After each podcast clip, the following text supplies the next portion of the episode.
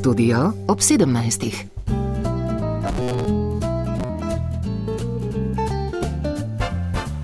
Spoštovane poslušalke, cenjeni poslušalci, po vidnih letih in sprostitvi številnih omejitev smo vnovič s polnimi pljuči vstopili v novo leto, leto 2020.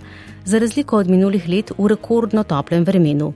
Leto, ki je za nami, je res hitro minilo. Zaznamo poprečno visoka inflacija, vse više obrestne mere, vse dražji krediti, vse dražja hrana, pa tudi novi davki, viša minimalna plača, rekordno nizka brezposelnost, pomankanje kadra in posledično številni protesti, na katerih so zaposleni zahtevali dvig plač.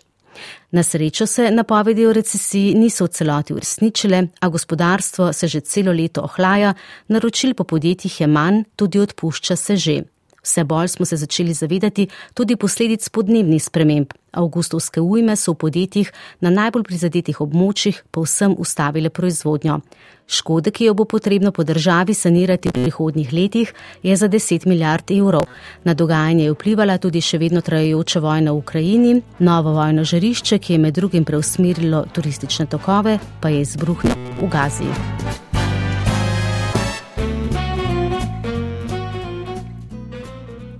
Začetek leta 2023 so zaznamovali novi ukrepi za omilitev draginje zaradi energetske krize, po plinskih ceveh je začel teči alžirski plin, začela je veljati novela dohodninskega zakona, s katerim je vlada premijeja Roberta Goloba ustavila postopno zviševanje splošne olajšave.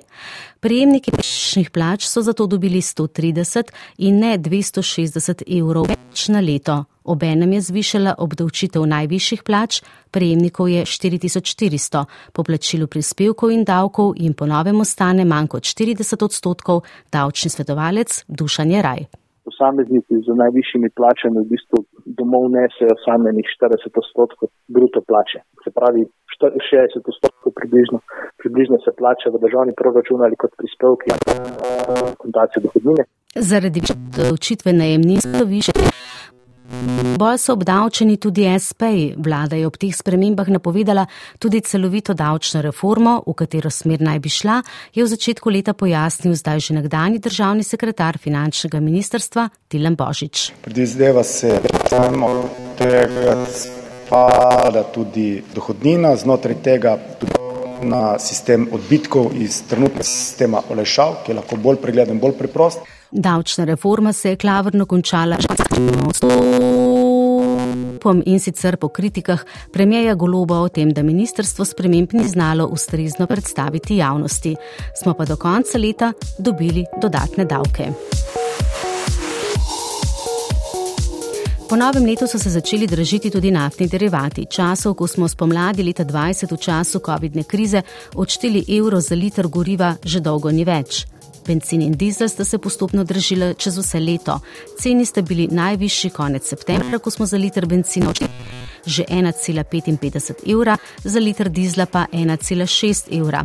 Do decembra se je gorivo vnovič pocenilo, tudi zaradi znižanja trošarin in marš naftnih trgovcev. Zniževalo se je tudi število brezposelnih. Prvo najnižjo vrednost smo zabeležili že konec januarja, po drugi strani pa so pomankanje delavcev in vse draže dobrine povzročali pritiske na plače. Više plače so si že na začetku leta uspešno izpogajali z drugimi pomočnice vzgojiteljic, sodniki pa so dobili le obljubo predsednika vlade Roberta Goloba. Mi smo se odločili, da bomo dejansko s 1. januarjem, ne s 1. junijem, s 1. januarjem sprejeli dodatek vsem vašim plačam. In to bo dodatek, po katerem vsi dobite ne procentualno, ampak nominalno enako. To je 600 evrov bruto na mesec, 1. januarja. Obljube sodnikom, dvig minimalne plače in drugih parcialni dogovori so sprožili plas drugih zahtev. Več za svoje delo so zahtevali ravnatelji, zaposleni v kulturi, gasilci, vojaki, cariniki in policisti. Grožne s protesti, če ne bodo uslišani, so se vrstile kot podpisnik Raku, Jako Počivalšek, Konfederacija sindikatov Slovenije. Očitno vlada prisluhne zgolj tistim skupinam, ki grozijo stavko ali protesti v celoti zanemarja delovna mesta plačne skupine J, brez širše razprave podira razmerja v osnovnih plačah, ki so bila postavljena leta 2008. Ministrica odstopom klonila pod težo zapravljanja in netransparentnega podeljevanja denarja, je bila prepričana, da bo težave v javnem sektorju rešila celovita plačna forma. Plačna lestvica bo nova, vezana bo na poprečno plačo v zasebnem sektorju. Prvi plačni razred ne bo 400 in nekaj evrov bruto, kot je to zdaj, ampak bo predstavljal 0,5 minimalne plače in od tu naprej bomo šli navzgor. Predlog, s katerim bom jaz šla pred koalicijo, je, da se razmerje minimalna, maksimalna plača postavi na 1 proti 7. Z vladno plačno politiko so bili nezadovoljni tudi zaposleni v zasebnem sektorju, Breda Črnčec, sindikat gostinstva in turizma. Se plače sodnikom, pa zdravnikom, pa zdaj se bojo v v šolstvu, pa vzgoji za ne vem koliko plačnih razredov in tako naprej. Jaz sem vesela za vse, ki so nekaj pridobili, ampak ne pozabiti na delavce v gospodarstvu. Zaradi neuresničene zaveze o dvigu pokojnine na vsaj 700 evrov pa so bili na vlado jezni tudi upokojenci. Vera Pečnik z Dus in Franc Kačetkovič, sindikat upokojencev. Mene kličejo tudi ob 11. uri, ob 10. zvečer, a karkoli. Morate se nas dusu zavedati, zakaj podpora vladi pada. Zakaj? Zaradi tega, ker dejansko tudi upokojencev ne sliši. Dobivamo številna zgrožena pisma, kako je starejša populacija zapostavljena, odrinjena na rob, da se na njo pozablja.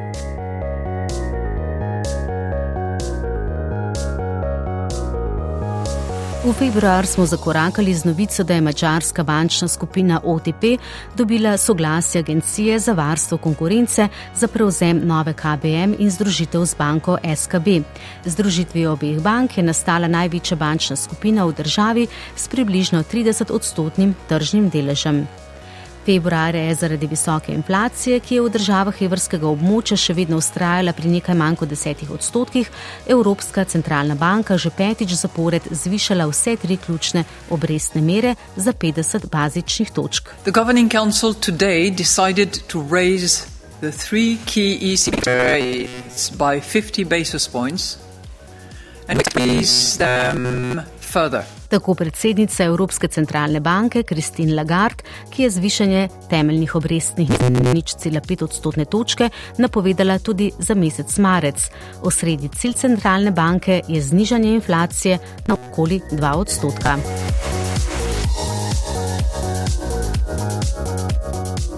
Februar so zaznamovali tudi številni napovedani protesti. Nezadovoljni s plačami, delovnimi pogoji in odnosom delodajalca so se v Kranju že drugič zbrali vozniki avtobusov.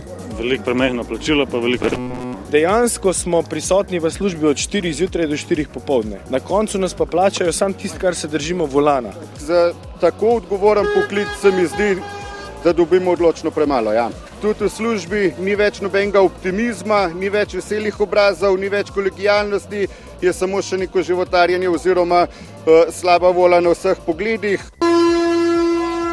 Prekipelo je tudi poklicnim gasilcem, oblečeni v uniforme, opremljeni s sirenami, trobljami, dimnimi baklami in transparenti, so izvižgali ministrico Ajanovič Hovnikovo. Ker se strinjamo z vami, da delo more biti pošteno vrednoteno, pripravila izhodišča, po katerih nihče več ne bo pod mejo minimalne plače.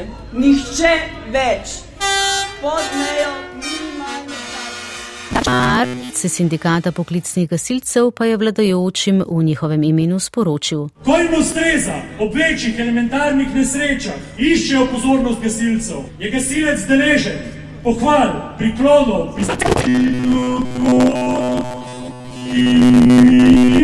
se na vse obljube ponovadi pozabi. Da je tam malo spregovoril za predsednico državnega zbora, je rekla, da nima vpliva. Pa si rekel, kak nimaš vpliva, drugač pa odstopi. Ignoriranje zahtev o takojšnji odpravi plačnih krivic in novo nastalih plačnih nesorazmeri po letu 2021 je na protestni shod pognalo tudi zaposlene v zdravstveni negi. Sestra v splošni ambulanti družinske medicine dobi, srednja medicinska sestra dobi 850 evrov mesečno. Žalost. Težko delo s pacijenti. Pacijenti so prvič psihično zahtevni, uh, odvisno na katerem modelu, kot si mi smo na tramesu. Kadra je vedno manj, vsi so, smo dodatno obremenjeni. Poročamo vam, da zaposleni v zdravstveni negi ne moremo in ne bomo čakali na konec novih pogajanj. V sindikatu delavcev zdravstvene negi pričakujemo in zahtevamo takojšno rešitev. Vstop v nov plačni sistem s predhodno odpravo teh anomalij in nesorazmerij. Vrelo je tudi med zaposlenimi v Luki, ker je slovenski državni holding predčasno odpoklical štiri člane nadzornega sveta in imenoval. Tudi zaradi nezadovoljstva med zaposlenimi je odstopil predsednik uprave Boštjan Napast, sredi leta ga je zamenjala Nevenka Kržan. Izločitvi dejavnosti čiščenja iz sistema brez poslitvi k zunanjemu izvajalcu pa so se konec februarja na protestu.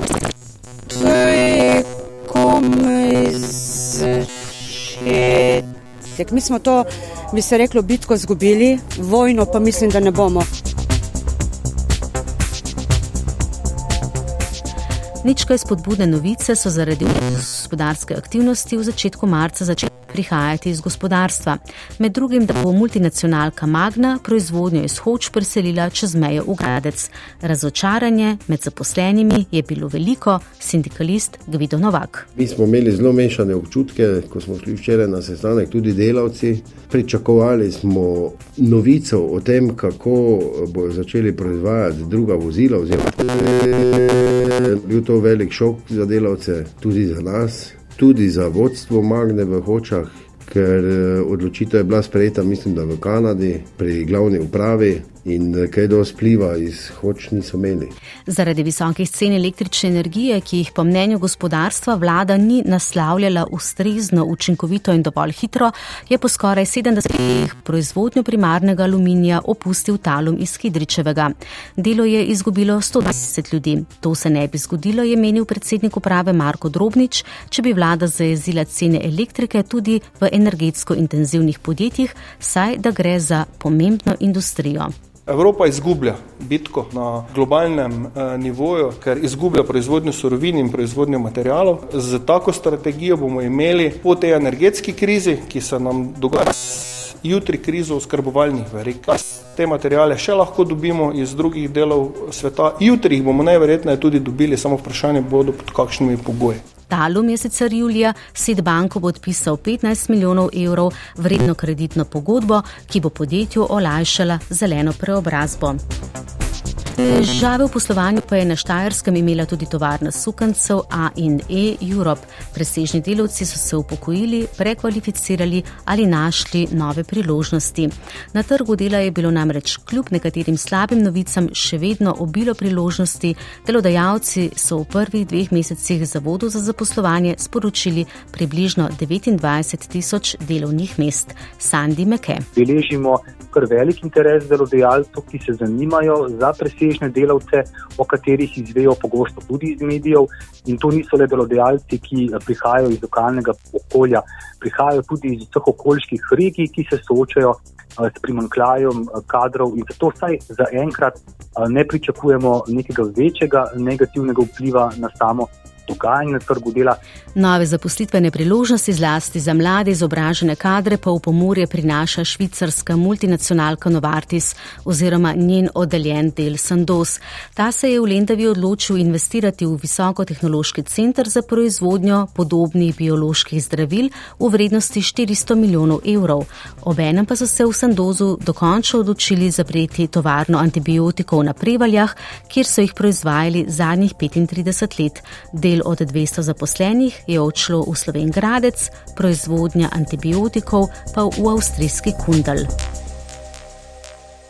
Občutno lasniško spremembo je sredi marca doživelo tudi 39 molovih benzinskih servisov, ki jih je prevzela Hrvaška INA. To je svakako dobra pozicija za INU i jača Po besedah hrvaškega gospodarskega ministra Davorja Filipoviča gre za dobro odločitev INE, ki s tem krepi svoj položaj na slovenskem, hrvaškem in trgu Bosne in Hercegovine in dodaja, da je pogoj za to tudi modernizacija ININE rafinerije na reki, odkudar bo nafta potovala proti državam v regiji.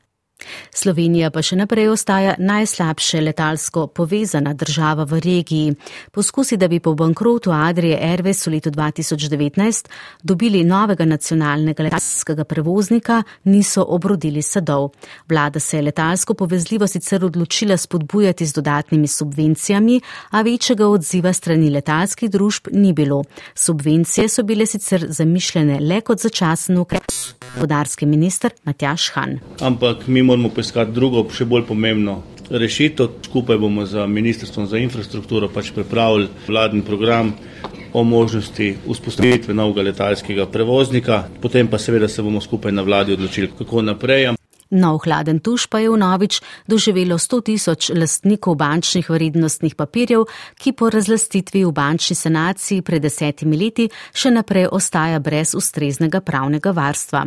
Ustavno sodišče je namreč spomladi po treh letih obravnave razveljavilo zakon o postopku sodnega in zunaj sodnega varstva imetnikov podrejenih bančnih obveznic in delnic, po katerem naj bi morebitne tožbe bančnih razlaščencev finančno pokrila centralna banka.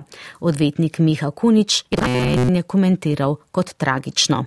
Zakaj? Ker dokazuje, da je Slovenija nepravna država že od leta 2013, ko je bilo preko 100 tisoč ljudem poseženo v njihovo lasninsko pravico in nobena izvršilna veja oblasti do sedaj, noben sklic državnega zbora ni uspel spisati um, zakona, ki bi sploh dal na voljo pravno sredstvo. Po številnih dvigih obrestnih mer se je inflacija v prvem četrtletju začela umirjati, a zaradi zahtev po zvišanju plače očiščena vplivov visokih cen energentov in hrane še naprej ustrajala na visokih. Evropska centralna banka je marca šestič dvignila temeljno obrestno mero na 3 odstotke in pol, po oktobru 2008.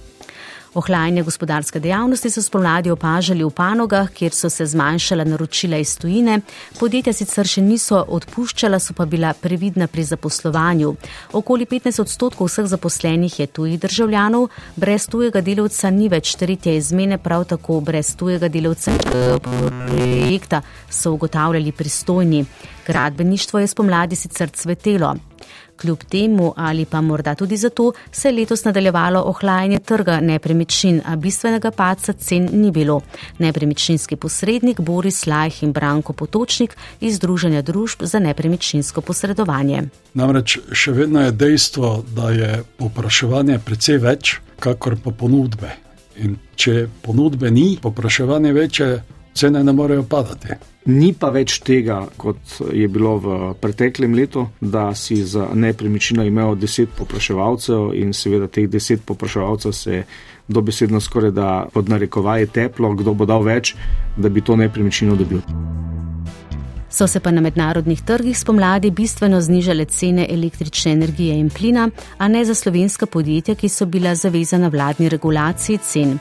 Ministerski zbor je sredi aprila podaljšal uredbo o regulaciji za gospodinstva ter mala in srednje velika podjetja, ne pa za velika in energetsko intenzivna. Slabša se izvozna konkurenčnost, je opozorila Vesna Nahtigal iz Gospodarske zbornice Slovenije. Nimamo enakih pogojev, že doma v Sloveniji, ne? Kaj pa šele, če se mi primerjamo z rečemo, prvimi sosedi, Avstrijo, Nemčijo, kjer so te cene precej nižje, kot jih imamo mi. Napetosti niso popuščale tudi na pogajanjih sindikatov javnega sektorja z vlado o reformi plačnega sistema.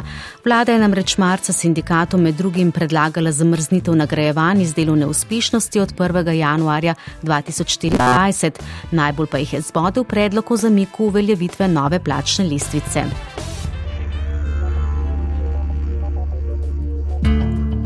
Kljub temu, da Slovenija za investitorje privlačna država, so v Ormožu sredi aprila odprli proizvajalca avtomov Kartago. Delo je dobilo 180 delavcev. Prebivalci Ormoža, ki so bili pred več kot dvema letoma priča zapiranju karerine tovarne očal z več kot 550 zaposlenimi, upajo, da bo Kartago uspešna zgodba. Mi dva smo oboje iz tiste stare firme, ko je šla v konkurs, pa imamo zdaj še toliko bolj navijama za to, ker ogromno bivših sodelavcev je zdaj v odroncih zaposlenih in pride zdaj v Ormož sem, zato jim bomo dali podpore.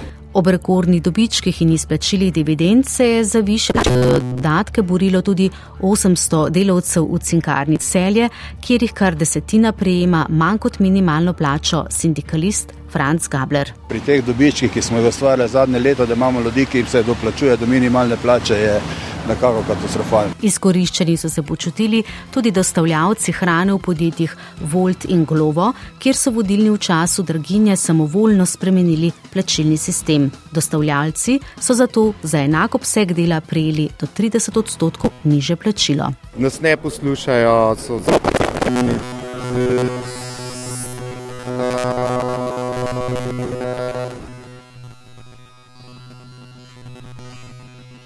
V aprilu pa so se že na drugem protestu zbrali tudi kmetje, v Ljubljano se jih je na traktorjih pripeljalo več tisoč nezadovoljnih in razočaranih. Se nas skozi samo omejujejo, vsak let je slabi, zdaj pa strmo narašajo težave. Imamo svojo zemljo, svoje hleve, komandaj pa v Ljubljani.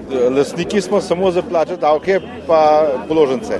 Vse ostalo nam pa delegirajo drug, kaj bomo sejali, kaj bomo predelali. Postavlja se veliko preveč omejitev, zaradi katerih ne bo več mogoča pridelava hrane.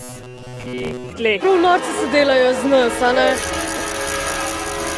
Ne pristajamo na dodatne davke v kmetijstvu. Zahtevamo, da se sredstva namenjena kmetijskemu sektorju obdržijo za pridelavo hrane. Cene zlasti hrane in pijače so se še naprej držile, inflacija evroobmoča je bila 7 odstotna, slovenska pa kar 9,2 odstotna. Agencija za varstvo konkurence je sprožila postopke preverjanja morebitnega usklajevanja trgovskih marš, kaj takega so trgovci seveda zanikali, Mariča Lah, trgovinska zbornica Slovenije. Vedeti moramo, da od zadnjega kvartala preteklega leta prodaje osnovnih prehrambenih upada. Na osnovi tega sklepam, da trgovci nikakor v tem trenutku ne bi izkoriščali svojega položaja in neupravičeno dvigovali svojih marš. Maja se je inflacija nekoliko znižala, a je bila še vedno visoka 8,4 odstotna, brezposelnost pa se je ustrajno zniževala. Mnoge je pestilo pomankanje ključnih kadrov in visoka obdavčitev dela. Tako so obrtniki svoje podjetja. Aleksandr Bizjak se je odpravil na Hrvaško, kjer so pogoji za zaposlovanje tujcev bistveno manj zapleteni in dolgotrajni. Lokal patriot, me srce boli, da smo mogli za to, da obstajamo. Dam dva tisoč evrov neto plača svojemu zaposlenemu, ne košta 4000 evrov in naprej. Tu je največji problem v državi. O težavah in izgubah so poročali tudi podjetniki, vezani na še vedno neskrajno os. 20 let odločitvi o njeni gradnji, ki bi povezala Slovenijo po vertikali od meje z Avstrijo do meje s Hrvaško, je zgrajenih le nekaj metrov. Jernej Močnik si metal ravne in Tomaš Kordiš iz gospodarske zbornice Dolenske in Bele krajine. Naši konkurenti preko severne meje, ne da imajo cesto, imajo cepe iz avtoceste pri svojih podjetjih in z njimi mi tekmujemo. Kje se je tukaj zaustavilo? Denarni problem, imamo znanje, imamo potrebo, kdo tu ni opravil svoje naloge. Smo pa napredovali na projektu drugi tir. Izkopanih je več kot 20 km predorov od skupno 37. Viadukt Gabrovica so slavnostno odprli sredi decembra, pri gradnji viaduktov Vinjan in Glinščica pa lovijo roke. Progo želijo zgraditi do konca leta 2025. Nekim sočasnim izvajanjem del na sklopu 1 in 2 je ta zadeva seveda možna. Je Maja ocenil novi direktor 2TDK Matej Oset, ki je na vrhu družbe marca zamenjal Pavla Hivko. Junija je Eurostat objavil podatek, da je območje evra v tehnični recesiji. Gospodarska aktivnost se je v državah evra skrčila že drugo četrtletje zapored, a ekonomisti so merili, da ne gre za klasično recesijo. Marko Jaklič. Tako da ne gre za neko tako tipično recesijo, gre za neke vrste sicer ciklično, je bolj mogoče skrbijo eh, določene bolj sistemske težave, kjer pa je Evropa relativno šibka. Po ocenah Bojena Ivanca iz gospodarske zbornice pa je bila gospodarska rast v Sloveniji celo više od evrskega povprečja. Zvira pa predvsem iz močne rasti storitvenih dejavnosti, torej tudi turizma in v bistvu to je ti segment, ki nekako je odlepil Slovenijo od ostalih, enako velja tudi za gradbeni sektor, kjer je v bistvu aktivnost tudi še vedno dosti večja kot v drugih državah. Sredi junija je Evropska centralna banka že sedmič zvišala temeljno obrestno mero, rekordno pa so se zvišale tudi plače. Po junijski napovedi Banke Slovenije bodo nominalno više za skoraj 10 odstotkov, kar je največ v zadnjih 20 letih. Poglavitna razloga za takšno rasta po enoten dvig plač v javnem sektorju in pomankanje delovne sile. Arjana Brezigar Masten, Banka Slovenije. Rast nominalnih plač se bo letos približala desetim odstotkom in bo poleg uskladitve minimalne plače z lansko inflacijo široko zasnovana. To nam potrjuje tudi rast uh, sklenjenih pogodb kolektivnih pogajanj.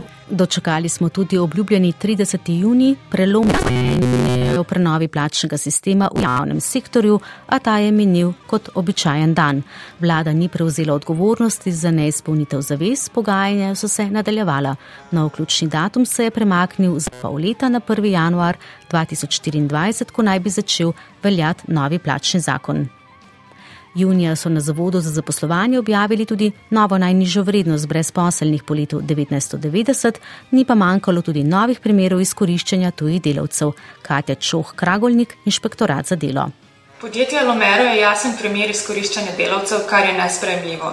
Na inšpektoratu za delo bomo s trajnim delom postopoma ter učinkovito izkorenili to vrstne prakse. Ob tem pa pozivam vse delavce, da če prepoznajo podobne primere izkoriščanja ali pa imajo informacije o kršitvah delovnih pravic, da to čim prej prijavijo na inšpektorat, saj njihovo sodelovanje je ključno pri uspešnem vodenju inšpekcijskih postopkov. Ker je Evropska centralna banka še naprej zviševala obrestne mere, se je evropsko gospodarstvo še naprej ohlajalo, najbolj nemško, ki je stagniralo. Ekonomist Dušan Mrabor. Če recimo v Nemčiji upade povpraševanje po za 10 odstotkov, se lahko zgodi, da bo v Sloveniji tudi za 40 ali 50 odstotkov. Pod težo zaostrovanj na trgih, vse večjih obremenitev gospodarstva, slabše konkurenčnosti podjetij in ničnega posluha vlade za težave gospodarstvenikov so delodajalci konec julija izstopili iz ekonomsko-socialnega sveta. Milan Trobiš, Združenje delodajalcev Slovenije. Nekatera ministerstva ne razumejo socialnega dialoga in ga pretvarjajo v socialni monolog. In v takem težkem okolju ne moremo, niti ne želimo sodelovati, ker imamo samo vlogo statista. Za poletno pravzaprav dramatično dogajanje v državi pa je dodatno poskrbela narava. Več neuri je prekinilo žetev, zato je bilo pridelka manj. Samo prvi val neuri v mesecu juliju je prinesel za pol tretji milijon evrov škode Roman Žveklič, kmetijsko-gozdarska zbornica. Poleg kultur in pridelkov, ki pač raste, kar, je, kar v tem trenutku raste, so seveda poškodovani na ta infrastruktura, kot so rastlinjaki odpihnjeni, poškodovani in hkrati seveda tudi kultura, ki je spodaj. Eh, stanje je seveda izredno težko. Določene kmetije komaj izhajajo iz teh kriz, ne vejo, kje bodo dobili denar za obnovo kriti. Eh, drugi kmetije ne vedo, kje bodo dobili krmo. V začetku avgusta pa nas je zadela hujša vremenska katastrofa v zgodovini države. Vremenska fronta, ki jo je spremljal rekorden val padavin, je predvsem v severnem delu države povsem uničila javno infrastrukturo, narasli vodotoki in plazovi so odnašali hiše in mostove, zalili avtoceste, uničeni so bili številni poslovni in projekti podjetij, sicer paradnih konjev izvoznega gospodarstva. Najbolj prizadeti so bili v zgornje Savinski dolini, v krajih ob Savini, Koroški, v delih Gorenske in osrednje Slovenije, v Podavju in Pomorju. Proizvodnjo so morali ustaviti v številnih podjetjih. Zaposleni so čistili prostore v podjetjih KLS Ljubno, Tap Mežica, Simetal Ravne, Bisol in v podjetju BSH. Po besedah Boštjana Gorjupa so nemudoma stekli pogovori tudi o tem, kako bi najbolj prizadetim z likvidnostnimi posojili in čakanjem na delo pomagala tudi država.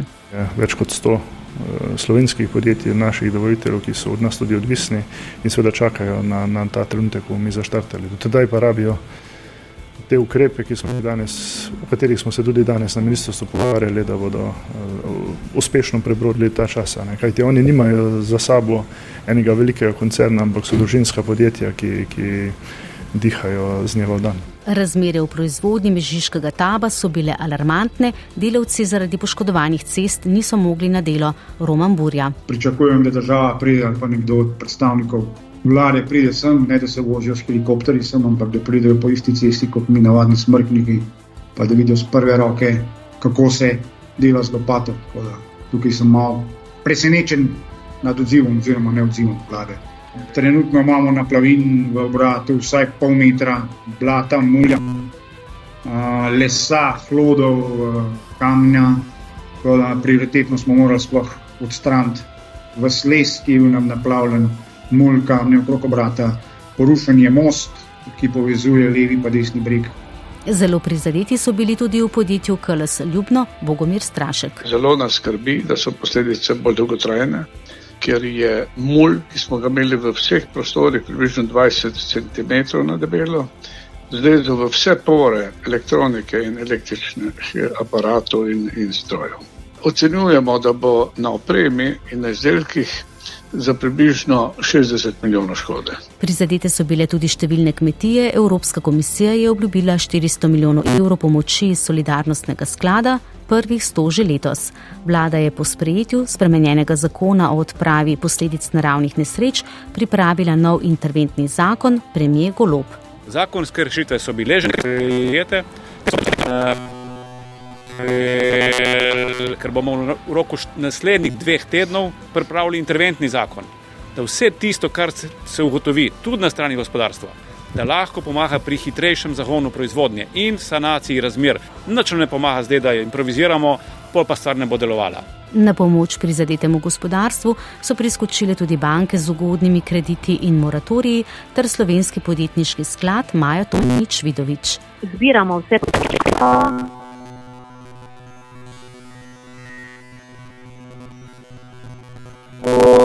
Bomo pa v naslednjih dneh ugotovili, če bo morda možno k temu dodati še kaj več virov. Zaradi ogromne škode po poplavah se je vlada odločila tudi za drugi rebalans proračuna. Z njim je zagotovila 520 milijonov evrov za hitro odpravo posledic poplav. Obsežen interventni zakon z nujnimi ukrepi za odpravo posledic in pomoč prizadetim v avgustovski ujmi pa je začel veljati septembra. Ukrepi so bili med drugim usmerjeni tudi v podjetja. Tudi enkratni obvezni solidarnostni prispevek za zaposlene in podjetja, a ga je vlada z novembrsko novelo opustila. Eden ključnih ukrepov za financiranje sanacije po poplavah in plazovih je tudi ustanovitev tako imenovanega proračunskega sklada, na katerem se zbirajo sredstva za obnovo. Vam bodo med drugim prispevale banke z nič cela dve odstotka od letne bilančne vsote, premije Golopje odločitev v temelju. Vsi vemo, da so banke danes na nek način uh, zmagovalke. Ne poplav, seveda, ampak zmagovalke zadnjih let, tudi z vidika ekstremnih dobičkov. In da, ne samo v Sloveniji, v celi Evropi se danes že uvajajo nove obdavčitve. Za ekonomista Mateja Lahovnika je bila odločitev pravilna in poštena. Ker banke kljub rekordnim dobičkom ne splačajo skoraj nič davka od dobička, zato ker uveljavljajo pretekle izgube, ki smo jih pokrili vsi davkoplačevalci kot olajšavo pri davku na dobiček. Bankiri pa so ji logično nasprotovali Stanislava Zadravecka prirolo Združenje bank Slovenije. Arbitrarno izbiranje sektorjev gospodarstva, ki naj bi bili a, posebej obdavčeni zaradi kvazi izrednih a, dobičkov, pač a, nekaj, kar si urejena država nedvomno ne želi. Na dodatnimi, ki jih terja obnova po poplavah, so bili izjemno zaskrbljeni tudi gospodarstveniki, saj jim je vlada že naložila spremenjeno dohodnino, prispevek za dolgotrajno oskrbo in naknadno še plačevanje bolniških nadomestil. Vesna Nahtegal, GZS. V tem trenutku je absolutno prezgodaj govoriti o dodatnih davkih in obdavčitvah. Gospodarske razmere na naših izvoznih trgih se zaostrujejo že več mesecev, kar gospodarska zbornica sistematično opozarja, saj čutimo to vsak dan na proizvodnji slovenske industrije. Zato mora vlada svoje napore usmeriti tudi v iskanje rezerv in alternativnih rešitev, ne pa samo v dodatno obremenjevanje gospodarstva, ki je že prispevalo in bo še prispevalo v obnovo. Skupna škoda po vremenski ujmi je samo v gospodarstvu presegla 380 milijonov evrov. Največ je bilo škode na strojih in opremi. Prva predplačila za sanacijo so podjetja održali oktobra. Odprava posledic bo dolgotrajna. Posledice poplav in sanacije bodo nosili tudi javni uslužbenci. Vlada je namreč predlagala odlog prehoda na novo plačno lestvico za eno leto, torej na leto 2025. Kljub avgustovskim ujmam in poplavam, ki so prizadele tudi nekatere turistične destinacije, pa je bila letošnja turistična sezona nasplošno uspešna, Fedja Pobegajlo, turistična gostinska zbornica. No, seveda so nas, tako kot vse, presenetile te uh, poplave, tako da to je zaznamovalo pač sezono, uh, sploh zato, ker je prišlo do največjih uh, neuri in poplav v turistično najmočnejšem mestu, to se pravi. Uh, Vendar pa, eh, če ocenjujemo na nivoju celega leta, eh, je na prihodkovni ali pa na prodajni strani pač zelo, zelo v redu. Eh, število nočitev ali pa obseg zasedenosti se je še nekoliko povečal, očitno proti, proti lanskemu letu. Je pa seveda res, da obstaja tudi druga plat in to je pa stroškovna. Tukaj pa pač posledično, glede na inflacijo pač in vse ostale uh, zadeve, Um, so pa stroški pač bistveno uh, višji, stroški poslovanja, tako uh, stroški dela oziroma plače zaposlenih, kot sam material, recimo hrana, pijača in da ne govorimo pač o energentih. To pa je pač uh, tudi ta druga platne, ki, ki povzroča velik uh, skrbi poslovodcom uh, podjetij. Če smo bili jeseni leta 2022 precej zaskrbljeni, kako se bomo ogrevali, teh skrbi tokrat ni bilo. Odvisnost od dobav ruske se je znižala, zato so bili dobavitelji plina optimistični, Marjan Eberlinski in Novodi. Glede skladišč lahko rečem, da so letošnje leto zelo polna, v Evropi več kot 93%. Moja ocena je, da je stanje letošnjem letu precej boljše kot lani, Cene električne energije in zemeljskega plina so za gospodinstva še naprej regulirane. Za plin v času korilne sezone, za električno energijo pa za celotno leto 2024, a ponovem za 90 odstotkov porabe.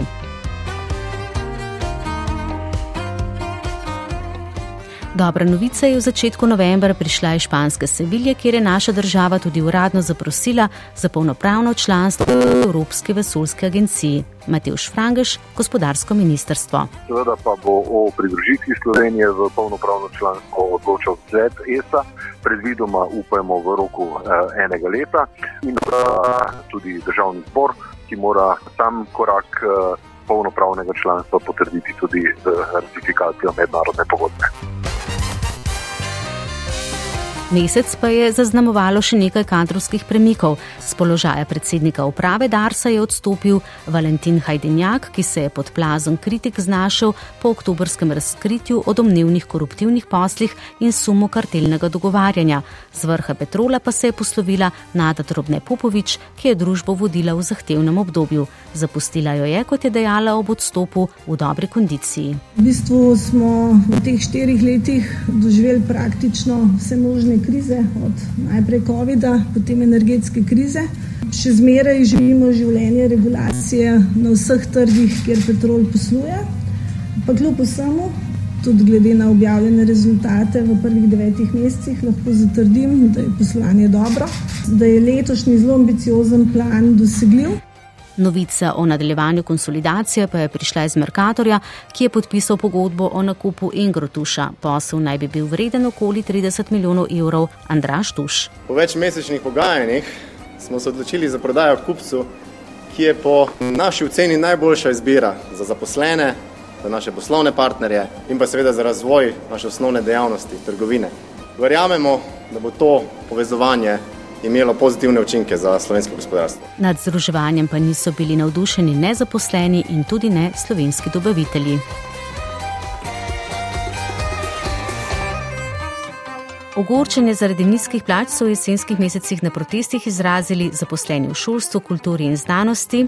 Nizkim plačam in preobremenjenosti so se uprli zaposleni na upravnih enotah, več sto javnih uslužbencev pa je v začetku decembra pred vladno stavbo ministerskemu zboru in novemu ministru Francu Propsu sporočilo, da je konec zavlečanja in da zahtevajo ureditev na področju plač v javnem sektorju. Sindikalist Goras Kovačič je državni vrh pozval. Stopite iz kozmične sfere odtujenosti od ljudi in se soočite z realnostjo, v kateri živi in životari 190 tisoč javnih uslužbencev. December pa smo med drugim sklenili s prijetjem zakona o obnovi, minister Klemen Boštjančič. Zdaj sam zakon o obnovi in razvoju je pomembna nadgradnja zakonov o odpravi posledic naravnih nesreč in interventnega zakona, s katerima smo že postavili temelje za sanacijo prizadetih območij in omogočili čim hitrejšo finančno pomoč prizadetim v teh avgustovskih poplavah. Do danes smo iz državnega proračuna izplačali že skoraj 470 milijonov evrov pomoči. Zakon je poleg vseh naštetih ukrepov za pomoč, ki smo jih slišali, vzpostavil tudi pravne podlage za nove začasne prihodke, ki bodo sicer odvisni od gospodarskih gibanj in dobičkonosnosti poslovanja podjetij. Trenutno so ocenjeni na 1,6 milijarde evrov v obdobju petih let. Prihodki davka na bilančno vsoto bank bodo predvidoma znašali 400 milijonov evrov. Prve dohodke iz tega naslova sicer lahko pričakujemo šele v letu 2025. Začasen dvig davka od dohodkov pravnih oseb iz 19 na 22 odstotnih točk pa naj bi prinesel približno 975 milijonov evrov, pri čemer se bo ta začel pobirati šele za leto 2024. Prilive iz uh, SDH cenujemo na okoli 260 milijonov evrov. Leto so torej kar razburjali davki, že v leto 2023 smo vstopili z drugačnimi davčnimi obremenitvami. Za kratek komentar v zvezi s tem se mi je pridružila kolegica Zdenka Bakalar, smo davkoplačevalci po tvojem na boljšem ali slabšem. Uh, kot dve Ti kovanca bi lahko rekli, zaposleni so na slabšem, proračun na boljšem. Kaj je vlada storila? Ustavila je povečevanje neobdavčenega dela pri 5000 evrih, letos bi moral biti 5500, prihodnje leto 6500, delavec poprečno plača, zato dobi na leto 1000 evrov manj neto plače. Zato pa je v proračunu od tega davka, torej dohodnine, letos 90 milijonov več, prihodnje leto pa 180 milijonov. Pri tem pa se vlada ni ustavila lestvico za odmero dohodnine in olajšave bi morala uskladiti, pa je vlada to gladko zamrznila za prihodnje leto, kar pomeni, da si bo ob vsakem zvišanju plač vzela še več kot letos, skupaj za okoli 130 milijonov. Poleg tega pa kar naprej nekaj mešetaj s davčnimi stopnjami zaradi financiranja obnove za pet zvišuje stopnja davka od dobička pravnih oseb na 22 odstotkov, od tega si obeta kar eno milijardo, ker nima konkretnega načrta, kako bo potekala sanacija niti za prihodnje leto, niti za leta naprej in koliko bo sanacija po letih stala, je vprašanje, ali ta dodaten vir sploh potrebuje. Glede na to, kako vlada ravna z javnimi financami, je večja verjetnost, da davek zvišuje zato, ker bo treba v prihodnjih letih postopno uravnotežiti proračune. In obnova po poplavah je lahko samo določen izgovor in velika verjetnost je, da bo pri tej zvišeni stopni tudi ostalo. Saj ta vlada nikakor ne uspe obrzdati porabe, k temu pa prispeva tudi to, da se je razširila na 20 ministrstv. Vlada je v isti sapi napovedala tudi prenovo davčne zakonodaje, kje smo trenutno. Torej, na začetku je bil velik reformni zagon v besedah, ne dejanjih.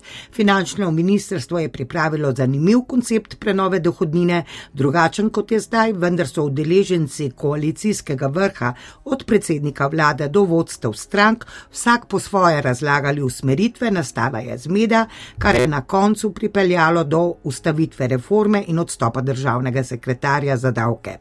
Za vsako reformo, s tem tudi davčno, je treba postaviti cilje, kaj želimo z njo doseči. Zaradi stanja javnih financ pa je kristalno jasen vrstni red reform, najprej pokojninska in zdravstvena in potem kot podpora še davke. Zaradi staranja prebivalstva bo ta čez par let nujna, saj bo manj zaposlenih in zato tudi manj socialnih prispevkov. In na nek razumen način bo treba prestrukturirati davke. In zato je potrebna davčna reforma in ne zato, ker se je vlada kot tarčo postavila davčni sistem. Ne pričakujem, da je ta vlada sposobna reformirati sisteme, poleg tega je zaupanje skrhano, brez tega pa reform ni možno izpeljati. Letos je sicer bilo tudi zelo zanimivo dogajanje v zvezi z uh, proračunom, pa me zanima, kaj v zvezi s tem nas čaka v prihodnem letu, bomo zvozili in po kakšni ceni. Seveda bomo zvozili z obsežnim zadolževanjem kot minula leta. Prihodnje leto zopet več kot 2 milijardi primankljaja. To se zdaj pozna v proračunu, strošek za obresti se bo vsako leto povečeval za 100 milijonov, letos na 700, prihodnje leto na 800 milijonov, leto zatem že 900 milijonov. In zato bo za druge izdatke manj prostora. Ker eh, ministri ne uspejo znižati apetitov, vlada zvišuje davke. Vendar kljub temu nas čez 2-3 leta čaka težko finančno stanje, če ne bo reform. Zdenka, najlepša hvala za ta pojasnila. Prosim. S kolegico Jrneko Drolec pa ocena hrane in dogajanju na kmetijsko-živilskem področju. Tudi v letu 2023 se je hrana držila, v primerjavi z rekordnimi skoki v letu 2022 so se cene vendarle začele umirjati. Kdo je prispeval k temu, vlada ali trgovci? Tako je, cene hrane niso več glavno gonilo inflacije, res pa se v Sloveniji ohlajajo počasneje kot v večjih državah. Statistični podatki pravijo, da se je na letni ravni hrana podražila za dobrih 6 odstotkov. Največji vpliv na ceno hrane so imele splošne svetovne gospodarske in politične razmere, kajti na skoke cene hrane najmočneje vpliva negotovost. Surovine za hrano na borzah so padle, na ceno hrane pa vpliva tudi trg energije in trg delovne sile. Prav ta 10,9 odstotni dvig minimalne plače v gospodarstvu na začetku leta se je najbolj odrazil na cenah naših živilcev. Takole pravi Tatjana Zagorc, predsednica kmetijskih in živilskih podjetij pri gospodarski zbornici Slovenije. Napačno bi bilo pričakovati, da vse, kar vpliva na dvig cen, da se ne prenese v končne cene, čeprav pa vidimo, da je pa veriga nekako skušala zaustavljati um, te prenose. Uh, že na strani trgovcev, ker so hoteli biti uh, konkurenčni, ostati konkurenčni, seveda tudi uh, podjetja se, so nekoliko bremena prevzela nase in tudi v pridelavi Vlada je sicer uvedla protidraginski ukrep spremljanja cen za košarico osnovnih živil. Tržni poznavalci pa pravijo, da je ukrep farsa, saj ne bi trgovci cene zmanjševali samo za izdelke v košarici, pri čemer naj kakovost ne bi bila pomembna, razširila pa se je tudi praksa, da je teh poceni izdelkov hitro zmanjkalo in jih ni bilo na zalogi. Letos se je sicer področju skrbe s hrano zaznamovala tudi afera kontaminirano sadje s pesticidi, kako varno in čisto hrano še jemo. Res je veliko ogorčenja povzročilo to, da smo potrošniki šele naknadno, potem ko smo večino brezkov in sliv z ostanki pesticidov že pojedli, zvedeli za to. To, kar se je zgodilo, je seveda nedopustno. Nekatere države uporabljajo v kmetijstvu substance, ki niso več dovoljene. Pri tej. Ireno Šinko, ker je zagovarjala delovanje uprave za varno hrano, je bil osnovni problem neustrezna komunikacija in premalo transparentno sporočanje o odpoklicih in umikih neustreznih živil z polic. Uprava je medtem že izboljšala način obveščanja. Sicer pa je treba vedeti, da je v zadnjem desetletju ali dveh hrana v Evropski uniji bolj nadzorovana kot kadarkoli prej in z tega vidika jemo varno hrano. Letošnje leto je sicer minilo tudi v znamenju vseslovenskega protesta kmetov, ko so kmetje iz cele Slovenije s traktori prišli v prestolnico kar dvakrat in naredili nekaj zastojev na upadnicah v Ljubljano in tudi na območju pred parlamentom, kaj jih je pravzaprav najbolj spodbudilo k tako množičnemu protestiranju. Ja, predvsem jih je na ceste pognalo nezadovoljstvo z neuzdržnimi pogoji za kmetovanje, ki izhajajo iz strateškega načrta skupne kmetijske politike. Za pridobitev subvencij morajo izpolnjevati vedno več okoljskih zahtev, predpisi pa jim nalagajo tudi vedno več administrativnega dela. Kot vemo, so oktobra razrešili ministrico in tako so kmetje na vladni strani izgubili sogovornika. V prvi oceni stanja v kmetijstvu, ki ga je pripravil Kmetijski inštitut Slovenije, se kaže, da se je v letu 2023 cenovno stroškovno razmerje v kmetijstvu nekoliko popravilo. Kaj je potem tako nevzdržno za kmete? Anton Medved, predsednik sindikata kmetov Slovenije, odgovarja. Kmetje so letos imeli zelo slabe cene eh, pridelkov, pšenice, koruze, eh, ječmena, da ne govorimo o ceni mleka, tudi eh, tu bo treba nekaj korak narediti naprej. Vemo, da smo na prostem trgu, vendar kmetje v Sloveniji imamo specifične pogoje za kmetovanje. Smo majhne, majhne površine in tu je treba pomagati kmetom. Kmetje želimo ukrepe ne za leto, dve, zdaj. Priča smo bili tudi nadaljevanju postopkov konsolidacije v trgovinski branži. Merkator je prevzel tuševe trgovine. Kaj to pomeni za potrošnike? Bomo imeli na policah večjo ali manjšo izbiro kakovostne, predvsem pa slovenske hrane? Ja, res je in to je pravzaprav vprašanje, ki nas muči vse. Za potrošnike na dolgi rok najbrž pomeni manjšo izbiro, če bomo imeli enega trgovca na mesto dveh. To je izziv tudi za slovenske dobavitelje, je povedala Tatjana Zagorc. Že sedaj smo videli, da je bilo potrebno dosti več napora in tudi aktivnosti, eh, da si trgovinsko polico eh, pri največjem trgovcu prav eh, bil konkurenčen, kajti ne na zadnje v preteklih letih se je poznalo, da je ta trgovec oziroma lastnik pripeljal tudi svoja živilska podjetja na te uh, trgovinske police. Zaskrbljen je tudi agrarni ekonomist Aleš Kuhar, prodekan za inovacije in prenos znanj na biotehnički fakulteti. To veriženje lastništev, povezovanje trgovcev, ki vidimo, nimajo najboljšega poslovnega izida, sploh ne, ne more, eh, bi rekel, obetati nekih pozitivnih, eh, pozitivnih sprememb za družbo, za dobavitelje, se pravi za širše okolje. Ne. Tako da me to seveda skrbi. Skrbi me zato, ker gre to verjetno v smeri še bolj tako, bom rekel, brezbrižne, brezoblične ponudbe, ki bi vključevala slovenske dobavitelje, slovenske specifike, značilnosti slovenskega okusa, kulture, tradicije in ne nazadnje ali pa predvsem kmetijske oskrbne verige, kmetijsko-živilske verige. Seveda pa mi, kupci, dajemo signale trgovcem. Če bomo pri hrani varčevali in bomo obsedeni z nizko ceno, bodo trgovci nabavljali nizkocenovne izdelke vprašljive kakovosti in nam jih veselo ponujali še naprej. Če bomo posegali po živilih slovenskih podjetij z neko blagovno znamko, za katero so določeni standardi kvalitete, od katerih se ne odstopa, pa nam bodo trgovci zagotavljali to.